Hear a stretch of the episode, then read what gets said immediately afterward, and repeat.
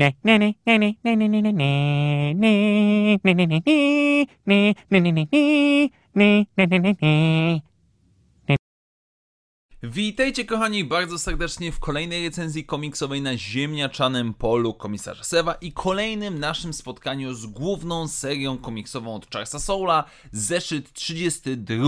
Mianowicie kontynuujemy oczywiście naszą przygodę głównych bohaterów w No Space, czyli w przestrzeni gdzieś poza hip czasem i przestrzenią, hehehe, z której nie można wydostać. No i oczywiście nasi mieszkańcy teoretycznie mają być, e, przystosowywać się do życia w nowej kolonii, ale nie poddają się, bo Czubaka wie jak rozwiązać cały problem. I sam początek zeszytu jest zaskakująco, powiedziałbym, przyjemny i logiczny, no bo nie mamy jakiejś dramy, nie mamy jakiegoś próby siłowego wydostania się z więzienia, tylko Czubaka łatwo i otwarcie mówi na zasadzie, że ej, słuchajcie, wiem jak mogę wam pomóc. Mieszkańcy mówią, no dobra, stary, proszę bardzo sobie pogadaj, spróbuj, nic z tego nie wyjdzie. I tutaj przewodzi temu, powiedzmy, przewodniczący em, całej tej społeczności, który mówi, że no nie jesteście pierwszymi ludźmi, którzy do nas dołączyli. Na początku wszyscy mówią, że wiedzą jak się wydostać, ale potem godzą się ze swoją e, rzeczywistością nową, co jest generalnie rzecz ujmując sensowne i logiczne, jednakże oczywiście Czubaka z Lando przedstawiają przywódcy, że mamy tą przewagę, że my silnik Nihilów swój mamy. Oczywiście silnik został raz ze statkiem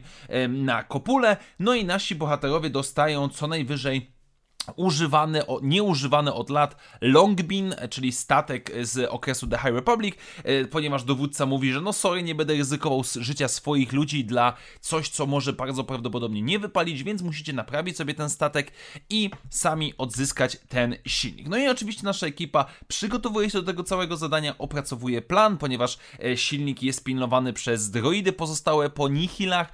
E, no i tak naprawdę z jednej strony oczywiście cały czas próbują zdobyć silnik, z drugiej strony mamy wątek wątek Luka Skywalkera, który za wszelką cenę chce odzyskać em, księgę Jedi, która została na statku. No i widzimy, jak najpierw Luke odwraca uwagę za pomocą skakania w skafandrze i naparzania mieczem, e, a e, Holdo z Lando strzelają do droidów, a Chewie przebija się, żeby zdobyć sam silnik. No i pod sam koniec, gdzie teoretycznie prawie wszystko udaje im się osiągnąć, Luke e, niestety traci kontakt ze swoją książką, która zostaje gdzieś tam zepchnięta w przepaść, a on sam wpada w ręce droidów. No i generalnie rzecz ujmując, nie podobał mi się ten komiks. A z jednej strony dosyć sporym problemem dla mnie jest zmiana rysownika, ponieważ za te rysunki, za rysunki w tym zeszycie odpowiedzialny jest niejaki Madibek Musabekow, e, który nie to, że źle rysuje, ale tamte poprzednie, bardziej takie kreskówkowe, powiedziałbym nawet dziecięce, w jakiś sposób lepiej mi pasowały. Tutaj mamy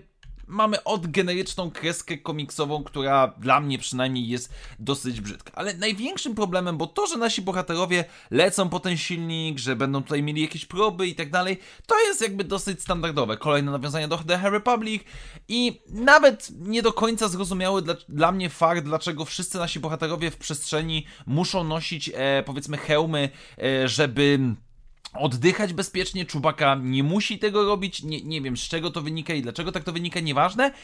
Ale problem jest taki, że w tym zeszycie jest strasznie, strasznie dziwny Luke Skywalker. Bo Luke do tej pory w, w poprzednich zeszytach komiksowych, w tym arku historycznym, był opanowany, był spokojny, e, analizował sytuację. No, widać było po nim, że jest tym, nazwijmy to, dojrzałym Jedi. I, i okej, okay. I, i to było przyjemne, to było widać ten jego progres jego postaci. Natomiast tutaj jest lekkomyślny. Tutaj nagle udaje mu się w jakiś tam sposób odzyskać kontakt z mocą e, na tej kopule i staje się strasznie zadufany w sobie, strasznie wymądrzały i rzuca się na końcu i nie wiem, czy twórcy chcieli nam pokazać, że Luke jest tak ślepo zapatrzony w księgę, że przez to daje się złapać.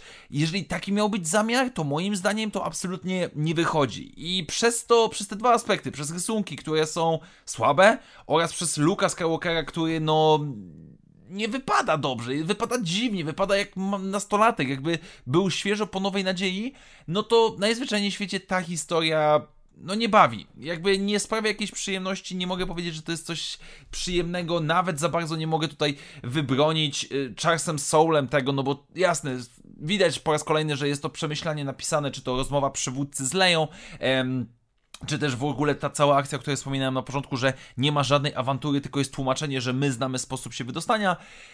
Pomijając to wszystko jednak, no jest to najzwyczajniej w świecie słaby zeszyt i Zobaczymy. No zobaczymy, co dalej będzie. No wiadomo, że Luke musi przeżyć, nie może zginąć, ale jak to zostanie rozwiązane, no cóż, przekonamy się dopiero za jakiś czas. Tak więc dziękuję Wam bardzo serdecznie, moi drodzy, za dzisiejsze spotkanie. Standardowo przypominam, że jeżeli podoba się to, co robię na kanale, możecie wesprzeć moją działalność, stawiając mi wirtualną kawę, do której link znajdziecie w opisie tego materiału. Jeszcze raz wielkie dzięki, do zobaczenia wkrótce na następnych materiałach i jak zawsze, niech moc będzie z Wami. Na razie, cześć!